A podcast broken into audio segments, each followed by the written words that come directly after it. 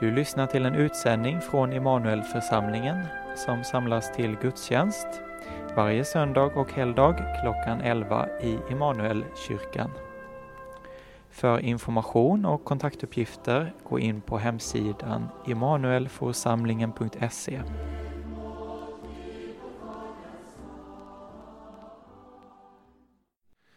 I Faderns och Sonens och den helige Andes namn. Amen. Nåd vare med er och frid ifrån Gud, vår Fader och Herren Jesus Kristus. Låt oss tacka och be. Himmelske Fader, vi tackar dig för din godhet, din kärlek, din slösande rikedom över oss ovärdiga syndare. Vi tackar dig för att din nåd är med oss också denna morgon, att din trofasthet inte har upphört. Och vi ber dig i denna stund att du själv skulle möta oss med nåd och med sanning. Att du förlåter oss våra synder och bereder våra hjärtan till att bekänna och ta emot det som är av dig. Vi ber dig, Herre, denna tacksägelsedag, att du själv tänder tacksamhetens lovsång i våra hjärtan, att du ger rikt av tacksamhetens ande, så att vi i allt som du gör och ger ser att du är där och ger och så tar emot det i tro och i tacksamhet. Vi ber om detta i Jesu namn. Amen. I Bibelns egen psalmbok, Saltaren, så får vi ord ifrån Gud till att uttrycka vår tro, vår tacksamhet, vår lovsång och ibland också för att klaga. Ja, Gud ger faktiskt ord av klagan eh, på ett särskilt sätt i Saltaren för oss att använda. Eh, och, och, och, det finns något viktigt i detta att istället för att låta klagan vara något som, som gror i själens inre så är det som att Gud lägger det på våra hjärtan till att tala, tala ut och tig inte. Och så samtidigt så låter Gud då den här klagan få, få leda till att se livet med andra ögon, med Guds ögon och kunna gå vidare med, med, med tillit och ha Gud som en tillflykt. Men så ger Gud också ord för tacksamhet eh, som vi får uttrycka. Många, många eh, sjung till Herrens ära, står det på så många ställen i, saltar, i, i Saltaren. Och så ger också ord, Gud ord för tacksamhet som vi kanske annars inte hade uttryckt. Ord från Gud som är hjälp mot vår egen otacksamhet. Som är hjälp mot det här att vi tar saker för givet. Eller att vi fokuserar på det som är fel och, och, och, och, negativt. Och så kanske också till att i ljuset från Guds ord rannsakande fråga oss själva. Skulle vi kunna tacka för detta som Gud lägger på mina läppar till att tacka för? Sånt där som vi spontant inte känner tacksamhet för. Men som Guds ord läggs Eh, på våra munnar till att säga. Och så hjälper psalmerna oss att tänka en gång till på det svåra i livet. Finns det något här som Gud har gett mig som jag ändå kan vara tacksam för? Och det kan ju vara en lång resa till att, till att se det, men likväl. Nu är inte en psalm i psalmboken riktigt på samma sätt eh, Guds ord till oss som, så som saltaren men jag tänkte att, att psalm 261 i psalmboken kunde få vara en hjälp också för oss här i denna vår beredelse. Att å ena sidan lägga märke till det som vi kanske spontant är tacksamma för. Eller också inte spontant känner tacksamhet för. Till en hjälp att se detta i Guds ljus. Både till hjälp för tacksamheten men också till rannsakan. Då läser jag. Tack min Gud för vad som varit. Tack för allt vad du beskär. Tack för tiderna som farit. Tack för stund som inne är. Tack för ljusa, varma vårar. Tack för mörk och kulen höst. Tack för redan glömda tårar. Tack för friden i mitt bröst. Här, här leds vi till att tänka på, på allt, på hela livet, på det som har varit, det som nu är och det som ska komma. Att se Gud i allt. Det är inte så här att det som jag känner spontant tacksamhet för, ah, det tackar vi Gud för. Och sen är Gud långt borta ifrån allt det andra. Nej, också där. Se Gud i allt. Och tacka för det han har gjort också där. Tack för vad du uppenbarat, tack för vad jag ej förstår. Tack för bön som du besvarat, tack för vad jag icke får. Tack för livets hemligheter. Tack för hjälp i nödens stund. Tack för nåd som ingen mäter.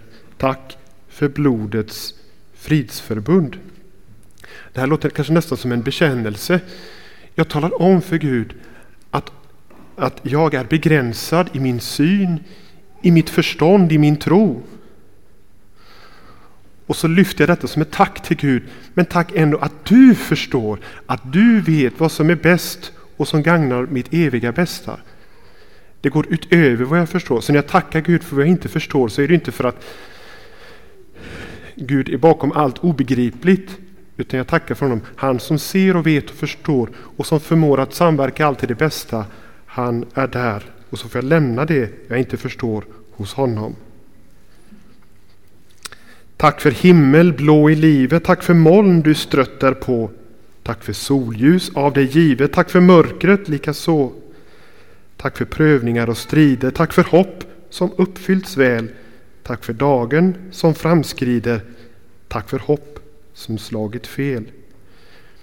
Det är väl kanske ingen sådär som spontant går runt och tackar Gud för mörkret eller för prövningar eller, eller strider eller hopp som slagits fel. Men jag tror att många, också med Bibelns vittnen, kan säga att, att det finns dolda välsignelser i mörkret. Ljus som jag inte ser när det är eh, guld och gröna skogar. Det finns välsignelser som gör att jag lärde mig något viktigt i det svåra. Det som gjorde ont gjorde gott.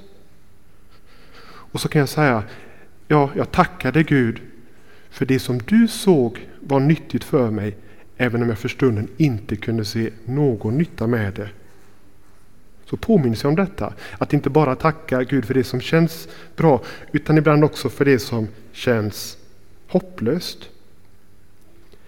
Tack för rosorna bland vägen, tack för törnet ibland dem, tack för resta himlastegen, tack för evigt tryggat hem, tack för kors och tack för plåga, tack för himmelsk salighet, Tack för stridens klara låga.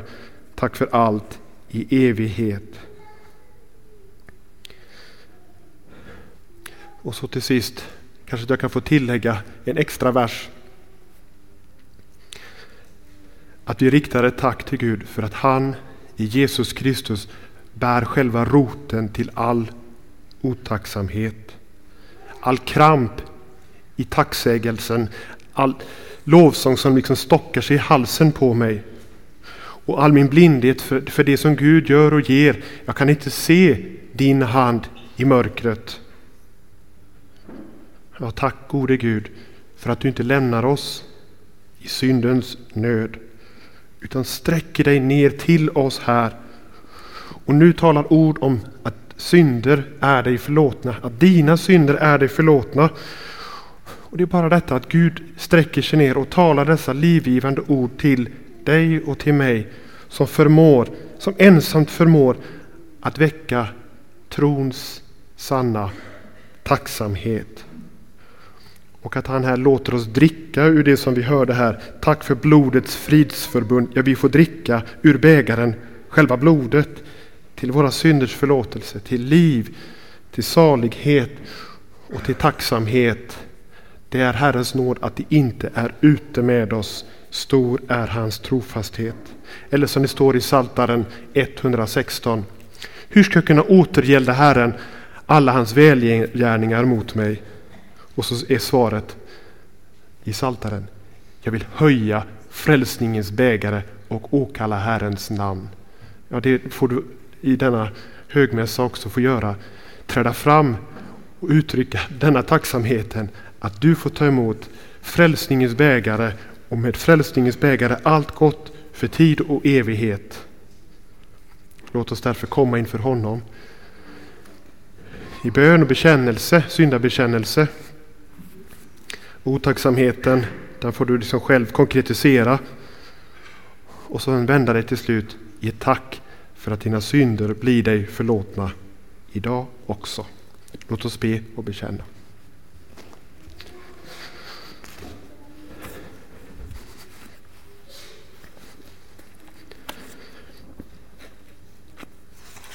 Jag bekänner inför dig, helige Gud, att jag ofta och på många sätt har syndat med tankar, ord och gärningar.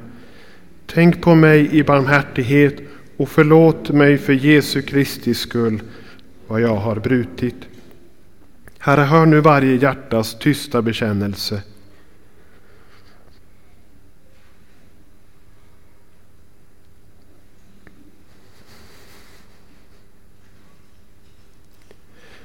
Jesu Guds sons blod renar oss från all synd.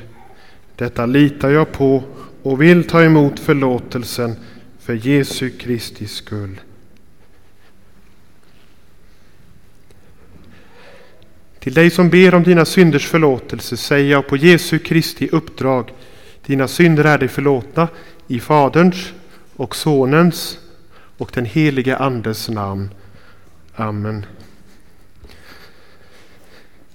Käre Fader i himlen, vi tackar dig för syndernas förlåtelse genom Jesus Kristus vår Herre. Amen. O Gud vår skapare, du som inte förtröttas att ge oss goda gåvor. Lär oss besinna vårt beroende av dig så att vi av hjärta tackar dig för dina gåvor genom din son Jesus Kristus vår Herre.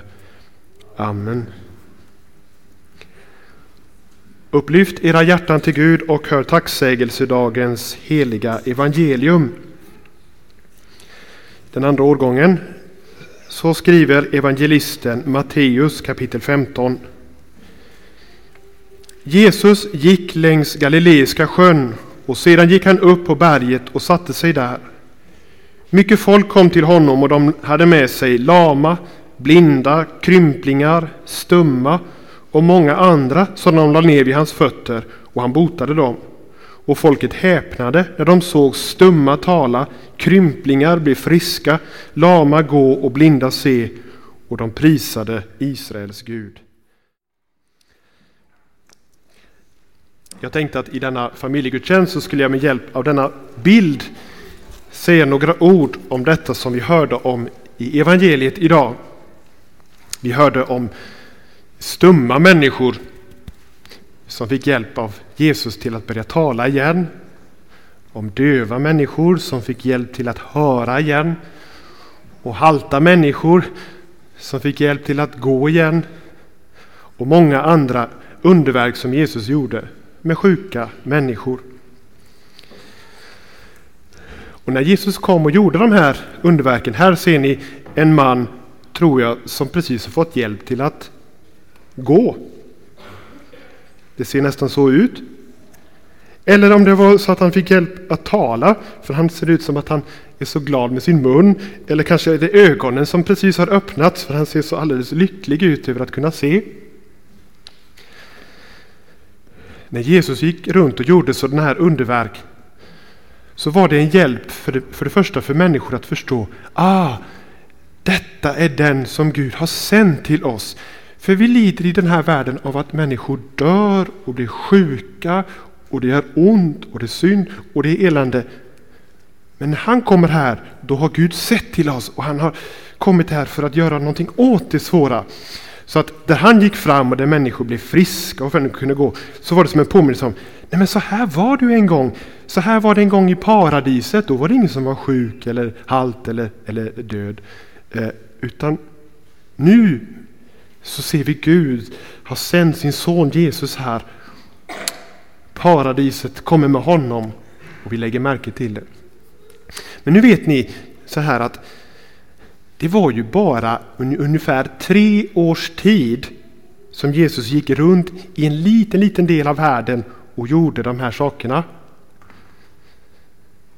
Och varför gjorde han det? För dem. De där människorna under de där tre åren. Och bara under tre år. Jo, det var ju för att de skulle se vem han var och sätta sitt hopp till honom. Du Jesus är den som Gud har kommit för att ge allt detta och för att göra någonting åt denna världens all, alla svårigheter. Så att när Jesus sen var borta så kunde de fortfarande tro på honom. Och det är också därför som vi läser de här berättelserna över två, eller ungefär 2000 år senare. Det är för att vi ska läsa om det här och göra som många gjorde, tro på honom. Det som han kom och gav lite så här i miniatyr, bara några få, det ska han göra en gång när han kommer tillbaka för hela världen och för alla Guds barn som är med honom.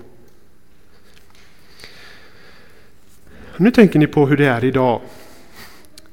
Hur många, nu ska jag fråga barnen, så här, hur många utav er barn har mött en människa som inte kan höra på sitt öra?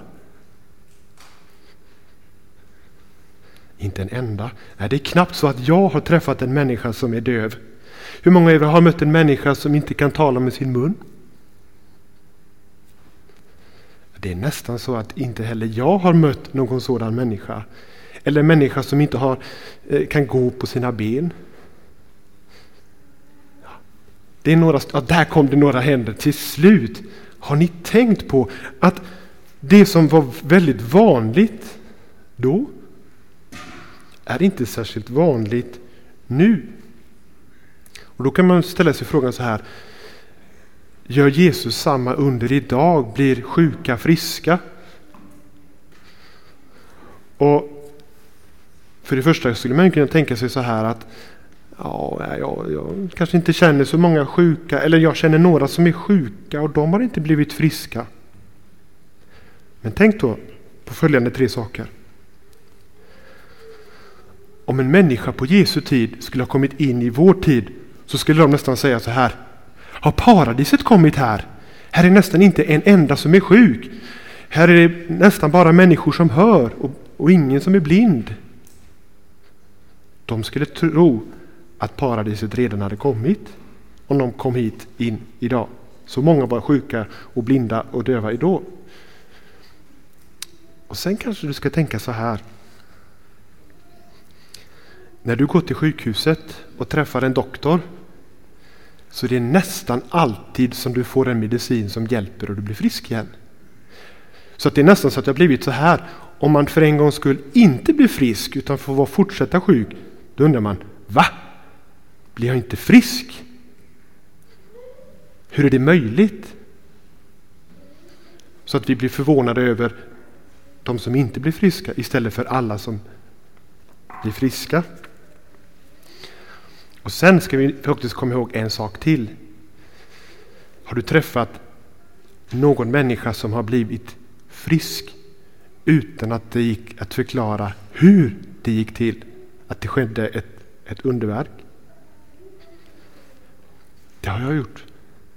Det finns människor som blir botade från sjukdomar utan att man kan förklara det annat än att ja, ni förstår vem som har varit där och gjort ett ovanligt underverk.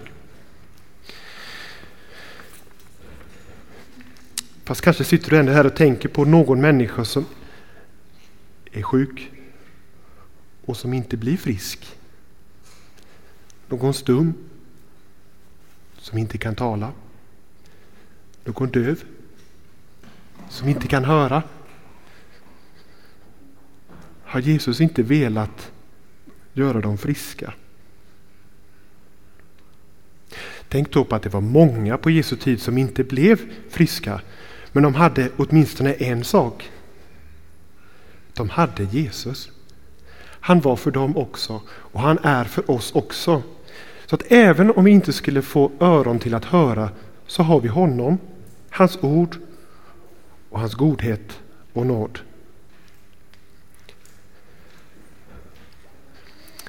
Men om jag fortfarande är sjuk så ska jag veta det att han är den som ser och han är den som vet och som ändå ger mig kraft till att vara både sjuk och frisk. För kom ihåg detta, det är inte alltid som det är bättre att vara frisk. För kan du räkna hur många friska svenskar som tackar Gud för att de är friska? Så är det inte särskilt många. Och då kanske måste, måste man säga så här. Bättre att vara sjuk med Jesus än att vara frisk utan honom. Ja, det är faktiskt så. För kanske är det så här att när vi blir sjuka och får det svårt så märker man att man är en svag liten människa som inte alltid kan ha det som jag önskar. Och kanske att man då blir så här liten så att man ber till Gud, öppnar sin mun och talar till Gud. Gud hjälp mig. Och Det kanske man inte gjort under hela sitt liv. Men när man blir sjuk så öppnade man sin mun och talade till Gud. Se mig Gud i min nöd. Och kanske att man hade tagit för givet, för självklart att jag är frisk, det är självklart. Och så började jag se, nej, det är inte självklart att vara frisk. Allt är gåvor. Allt ger Gud. Och så började jag få ögon till att se. Allt är en gåva från Gud. Om jag är frisk, om jag har hälsa, om det går bra i livet. Allt är gåvor från Gud. Och så kan jag se det med ögonen. Och sen kanske det var så här att medan jag var frisk, då ville jag gå mina egna vägar. Och så stannade Gud mig på vägen. För att jag blev sjuk eller någonting svårt hände mig. Och så kunde det bli det som fick mig att börja fråga Gud. Gud, vill du kanske att jag ska gå på dina vägar? Och så började jag använda mina ben till att gå på Guds vägar istället. Och märkte du en sak? Vad var det som blev friskt? När min mun började tala till Gud, när mina ögon började att se Guds verk och när mina ben började att gå Guds vägar så var det själva hjärtat som hade blivit friskt. Och det är kanske den allra svåraste sjukdomen att bota. Ett hjärta. Ett sjukt hjärta. För när ett hjärta blir friskt här inne då börjar min mun att tala till Gud. Då börjar mina ögon att se Gud och fråga efter Gud och då börjar mina ben att gå på Guds vägar. När Jesus sedan gick den långa vägen till korset så var det inte så många som följde efter honom. Här skedde det inte så många underverk, det var inte så många blinda som fick ögon till att se, inte så många halta som började gå, några döva som började att höra. Eller? Kommer du ihåg att det var en rövare på det andra korset bredvid här som blev frisk så att han såg det som man inte ser när en människa hänger och nästan håller på att dö på korset. Han såg. Jag ser vem det är. Och så sa han Jesus, tänk på mig när du kommer i ditt rike. Och så sa Jesus de här orden till den här rövaren som hade gjort så mycket ont, så många synder och som hade förstört sitt liv. Idag rövare, mitt barn, ska du vara med mig i paradiset. Paradiset där ingen sorg, ingen smärta, ingen sjukdom, ingen syn, ingen död. Det goda som Gud har förberett för dig. Inte för att du dör nu, utan för att jag dör. Jag dör för dig. Jag tar mina synder på, dig, på mig så att du ska kunna möta döden och evigheten med dina synder förlåtna och frisk i hjärtat. Ja, frisk på alla sätt och vis. För du ska få vara med mig i paradiset där allt är som det ska vara. Och Då måste vi komma ihåg detta att vi behöver oj, mer än ben som kan gå och ögon som kan höra och öron till att höra så behöver vi ögon och hjärtan till att se vad han gör där för oss. Han lider så svårt och när han till slut dör. Det är inte det värsta som kan hända, utan det bästa. Och Då ska vi också komma ihåg det att när svåra saker händer oss så är det inte det värsta som kan hända, för det har hänt honom i vårt ställe för att du skulle skonas ifrån det och för att du skulle kunna resa dig upp härifrån. Vare sig du är sjuk eller frisk, vare sig du har dålig syn eller om du ser jättebra, kunna gå härifrån och tacka Gud för paradiset, att vara med honom. Och du får vara det redan här och nu. Och tacka honom för det. Han har inte lämnat dig utan tvärtom kommit för dig. Låt oss tacka Jesus för det. Tack kära Herre Jesus för att du din godhet kom till oss här i denna värld. Där många lider av sjukdom, svårigheter, lidanden. Ja, du vet allt vad det är. Tack för att du inte lämnade oss åt oss själva utan kom in här och gav oss små glimtar av hopp när blinda fick sin syn, döva fick sin öron till att höra. Allra mest gav du oss det eviga livet, syndernas förlåtelse och allt gott när du dog för oss på korset. Och ge oss ögon till att se så att vi först och främst frågar efter vad du gav där och sedan tacksamt får ta emot allt annat gott ur din hand som tecken på din godhet och kärlek. Och även om det är svårt och inte känns roligt så har du inte övergett oss utan varje dag möter oss med förlåtelse, med hjälp och så står det också att du ber för oss varje dag. Tack för att du har förberett till slut det allra bästa för oss.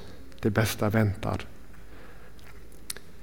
Vi ber dig att bevara oss hos dig så att vi inte tappar bort dig i denna världen utan alltid har våra hjärtan friska med blicken fäst vid dig, Jesus, vår Herre. Amen. Låt oss så stå upp och tillsammans bekänna vår heliga kristna tro. Vi tror på Gud Fader allsmäktig, himmelens och jordens skapare.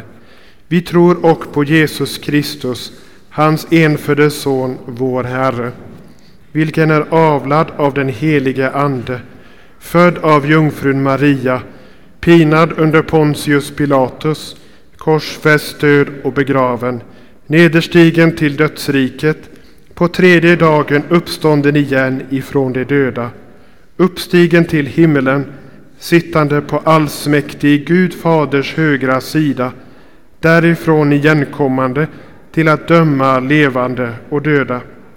Vi tror och på den heliga Ande, en helig allmännelig kyrka, det heliga samfund, syndernas förlåtelse, kroppens uppståndelse och ett evigt liv.